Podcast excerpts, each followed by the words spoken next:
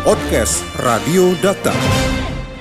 Sementara itu rekan Dakta, Anda mungkin masih ingat terkait dengan kasus pencabulan dan juga perdagangan anak yang dilakukan oleh anak dari salah satu anggota DPRD Kota Bekasi. Ini menjadi perhatian tidak hanya dalam ruang lingkup lokal, jadi perhatian bagi nasional di mana kita melihat begitu banyak respon yang disampaikan dari Komisi Perlindungan Anak Indonesia, lalu Komnas Anak dan yang lain-lainnya. Nah, bagaimana sesungguhnya bahaya psikologis jika anak mengalami kasus yang serupa? Pagi hari ini kita akan coba memperbincangkannya bersama dengan psikolog anak, remaja dan keluarga Kota Bekasi, ada Ibu Dian Kusumawati. Dokter Radio, bijak dan cerdas. Assalamualaikum Ibu Dian. Waalaikumsalam warahmatullahi wabarakatuh. Kabar sehat Ibu Dian? Alhamdulillah sehat. Iya, Bu Dian, kita ingin mencermati terkait dengan kasus yang beberapa hari ini juga menjadi perhatian publik perdagangan ya. pencabulan anak ya. Nah, kita ingin uh, secara apa ya, secara garis besar menarik apa ya. sih sebetulnya dampak psikis yang akan dialami oleh seorang anak jika kasus ini terjadi, Bu Dian? Ya, oke. Okay.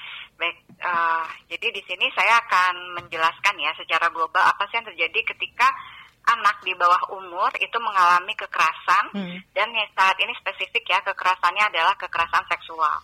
Uh, karena gini sebenarnya sumber trauma itu kan bisa berbagai jenis ya. Kalau kita lihat ini pasti sesuatu yang di luar dugaan. Artinya anak ini mengalami sesuatu yang di luar uh, pemikiran dia, dia akan mengalami hal tersebut. Jadi ini bisa dibilang sebagai sumber trauma gitu ya, sumber trauma yang dialami anak karena ini sesuatu yang unexpected yang bisa dia perkirakan sebelum-sebelumnya gitu. Nah, terlebih lagi ketika kita melihat ini terjadi pada anak di bawah umur, maka uh, kita bisa katakan anak di usia anak ini adalah mereka bisa kita golongkan ke dalam kelompok individu yang apa istilahnya ya belum memiliki power ya. Artinya hmm. dalam hal power ekonomi, dalam hal power strata sosial, dalam hal power juga mungkin kekuatan fisik gitu ya. Jadi anak-anak di bawah umur nih kita bilang memang rentan karena banyak sekali uh, kekuatan-kekuatan yang belum mereka miliki saat ini kan masih bertumbuh kembang. Jadi ketika hal ini terjadi pada anak-anak di usia di bawah lebih khusus karena bisa dikategorikan seandainya memang berkelanjutan dia mengalami kecemasannya gitu ya.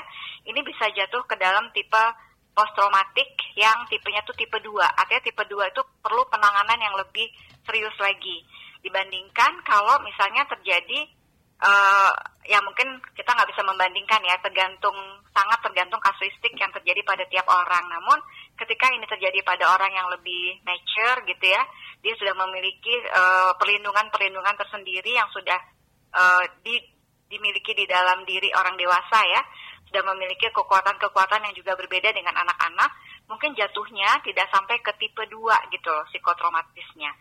Mungkin masih di tipe 1 sehingga penanganannya pun pasti jelas akan berbeda dengan penanganan ketika hal ini terjadi pada usia anak. Gitu. Iya. Jadi ini memang un, uh, apa ya? Shock ya, memang mengejutkan gitu ketika bisa terjadi hal ini pada anak-anak ya. Hmm. Orang dewasa bisa melakukan hal ini terhadap anak-anak di bawah umur. Nah ini pasti sesuatu yang apa ya istilahnya mengejutkan semua pihak sih seperti itu. Iya. Nah kalau dalam keseharian misalnya akan seperti apa psikologis anak ini sendiri, Budian? Akankah lebih tertutup uh-huh. nantinya atau bagaimana? Oke, okay, ya. Nah ini juga kembali lagi ya, ini sangat kasuistik. Artinya kembali kepada bagaimana penanganan yang dihadapi anak mulai dari awal kejadian dan bagaimana uh, jejaring ya. Artinya perlindungan-perlindungan atau support-support yang dimiliki. Tergantung juga apa yang dialami dia hmm. kekuatan-kekuatan riwayat perkembangan sebelumnya. Nah ini sangat kasuistik. Namun secara umum ya yang akan dialami ya ketika orang mengalami sesuatu yang uh, shock atau traumatis peristiwa-peristiwa yang berpotensi menjadi hal traumatis pertama itu adalah pasti fasenya itu shock. Shock yang luar biasa. Nah ini bisa dialami itu dengan uh, justru nggak bisa berbuat apa-apa biasanya kalau shock ini. Hmm. pasti kayak ngolah gitu ya kaget yang luar biasa gitu. Nah ini adalah fase shocknya. Nah nanti setelah itu, setelah dia berjalan sekitar uh, dua minggu gitu ya, dua minggu, tiga uh, tiga minggu, satu bulan, nah itu baru mulai kelihatan uh, ada traumatisnya atau enggak. Jadi hmm. kalau misalnya masih seminggu, dua hari itu biasanya kita bilangnya stres yang akut, shock, stres yang akut. Nah itu semingguan ya, ketika dia mengalami kejadian traumatis.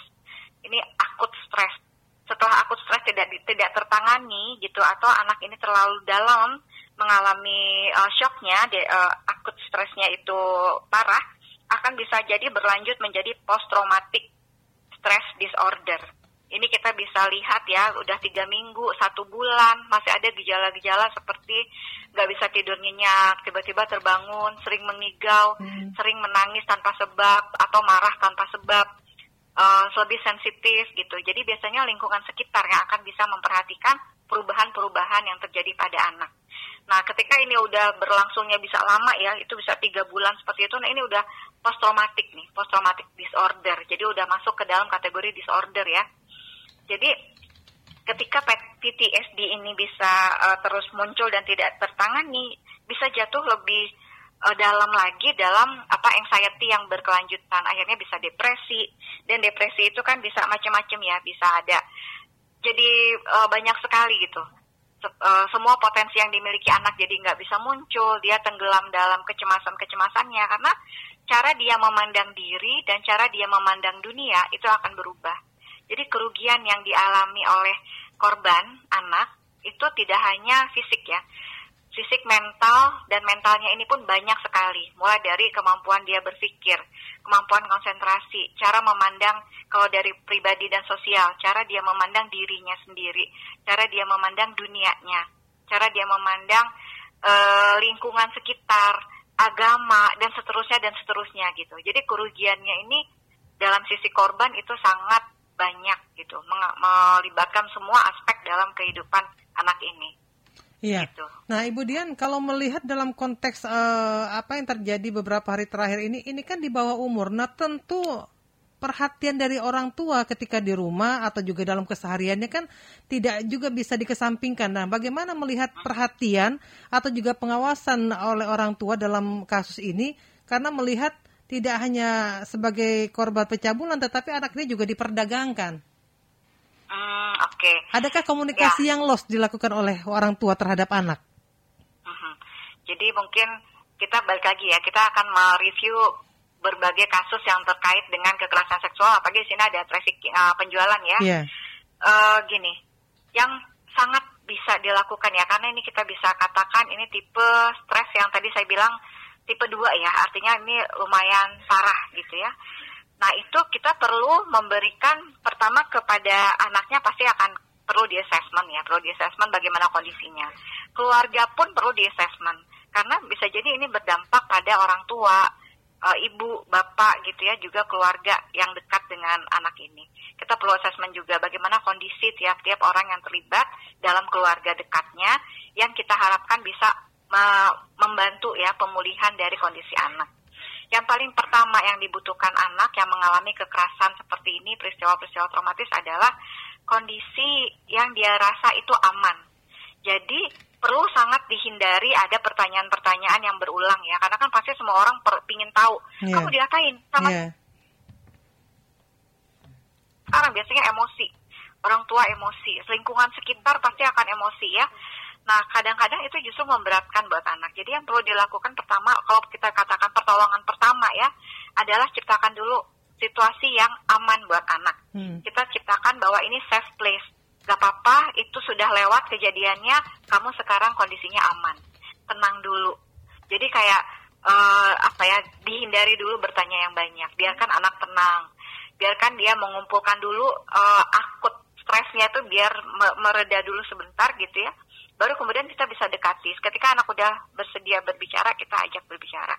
Hanya kondisinya kan memang kita perlu segera ya, misalnya visum, kemudian lapor ke kantor polisi gitu ya. Yeah. Nah keluarga ini berperan penting untuk menciptakan safe place tadi gitu. Dan memang pendampingan psikolog ya, pendampingan psikolog. Jadi banyak hak-hak victim, hak-hak korban yang sangat perlu diperhatikan ketika kejadian ini muncul gitu Pertama tadi uh, hak untuk mendapatkan safe place-nya, perlindungan yang amannya, hak untuk mendapat pendampingan psikologis ya, pendampingan hukum juga, dan juga hak untuk sebenarnya sampai dia mendapatkan pemulihan. Jadi negara ini memang harus hadir sampai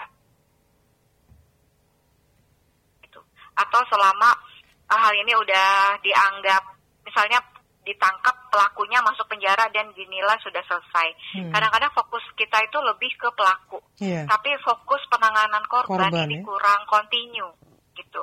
Jadi seharusnya negara ini hadir sampai memberikan pemulihan psikologis untuk anak, kemudian psikoedukasi untuk keluarga, psikoedukasi untuk sekolah dan teman-teman lingkungan sekolahnya. Itu juga perlu sekali. Hmm. Supaya kita nih satu jalan gitu. Kita kompak bahwa yuk kita kembalikan anak ini walaupun nggak bisa 100% ke dalam kehidupan sehari-hari seperti sebelum kejadian. Yeah. Tapi minimal rutinitas itu bisa dia dapatkan dengan nyaman. Karena pemulihan dari uh, stres yang akut ya, pemulihan psikotraum psikotraumatis itu salah satunya adalah dengan mengembalikan anak dalam situasi rutin. Karena dengan begitu mereka akan lebih paham, oh ini udah rutin, saya udah seperti biasa, mungkin akan membantu dia, oh ini baik-baik saja gitu. Jadi hmm. makanya peers perlu apa teman sebaya, lingkungan sekitar, sekolah itu pun perlu mendapat psikoedukasi gitu ya.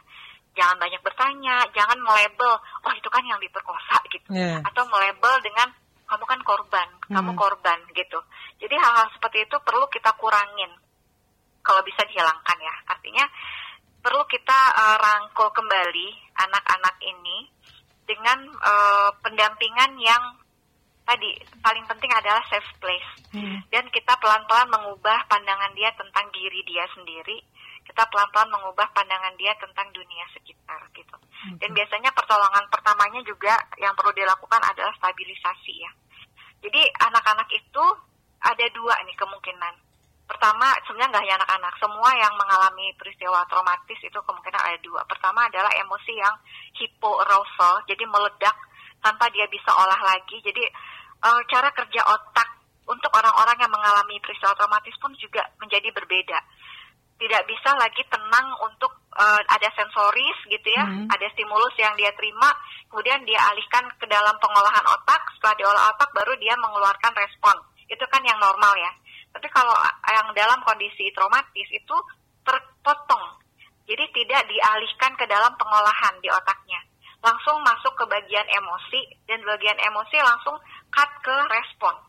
Nah ini respon emosi yang nggak ada pengolahan ini yang justru berbahaya ke depannya. Ada yang sampai uh, meledak gitu ya, meledak hipo, hipo hyper arousal emosinya. Ada yang justru hilang banget hypo. Jadi hipo arousal. Kalau tadi hyper ini hipo.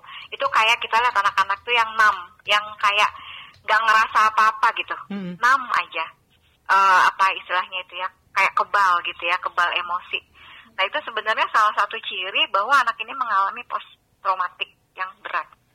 Entah dia meledak emosinya atau dia hilang kadar kepekaan emosinya gitu. Baik. Nah, jadi memang perlu sekali kita uh, berikan pendampingan sis, uh, psikoterapi gitu ya untuk anak-anak yang mengalami tipe stres uh, dua ini, tipe dua yeah. dari psikotraumatik ini. Ibu Dian Krismawati, mungkin terakhir apa pesan ya. kepada keluarga dalam hal ini orang tua juga agar kejadian-kejadian hmm. nah, ini tidak terulang lagi dan mengakibatkan okay. korban kembali, Bu? Baik. Untuk orang tua termasuk untuk saya juga ya sebagai orang tua juga mari kita lebih dekat lagi pada anak-anak kita. Mari kita rangkul anak-anak kita dari sekarang. Artinya jangan kita ngobrol sama anak kalau mau mau menasehati atau mau menyalahkan mm-hmm. atau mau bertanya tentang kewajiban aja gitu. Jadi mari kita dekati anak dalam situasi yang pas lagi happy, pas situasi yang aman, nggak ada apa-apa. Mari kita perbaiki koneksi dengan anak-anak. Kalau kita sudah memperbaiki koneksi, selanjutnya bisa kita koreksi gitu anak-anak kita. Kita yeah. bayangkan kalau kita mau nelpon orang, kita kan harus nyambung dulu ya. Betul. Pencet nomor teleponnya, nada sambung muncul, diangkat telepon dari sana, baru kita bisa menyampaikan pesan, baru bisa ngobrol. Nah dengan anak-anak pun sama, mari kita koneksi dulu, kita pencet nomor teleponnya, kita pencet maksudnya masukin dunia anak, uh, jadikan kita tuh temen dulu sama anak, jadi buat koneksi yang bagus. Jadi anak tuh mau ngangkat teleponnya, anak udah ngangkat telepon, mau ngobrol sama kita, baru kita bisa ngasih nasihat, baru bisa ngasih ngobrol ngingetin, baru bisa kita minta, nah kalau ada apa-apa lapor sama bunda ya gitu. Baru kita bisa lakukan itu. Tapi kalau kita nggak membentuk koneksi, gimana kita bisa nyampein pesan? Sama aja kayak ada orang nelfon, kita nggak ngangkat, tapi dia ngomong sendiri gitu kan. Yeah. Karena orangnya nggak ngangkat telepon gitu. Jadi mari uh, Bapak Ibu, kita berjuang untuk merangkul anak-anak kita dari sekarang bikin kalau misalnya susah ngobrol langsung ya karena kan suka kagok kalau tiba-tiba ngobrol langsung banyak mari ciptakan kegiatan dulu yang hmm. gak usah ngobrol banyak tapi minimal bareng-bareng hmm.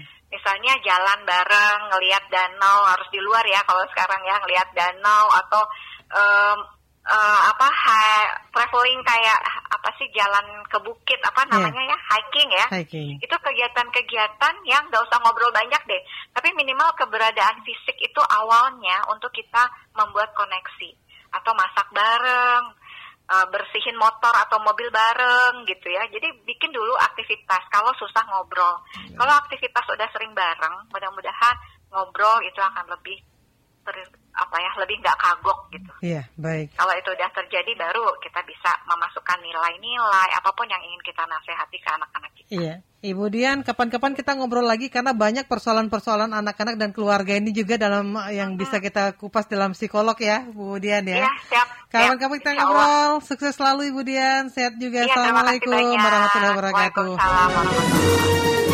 Podcast Radio Data anda cukup masuk ke mesin pencari Google atau lainnya dan tinggal mengetik podcast Radio Data.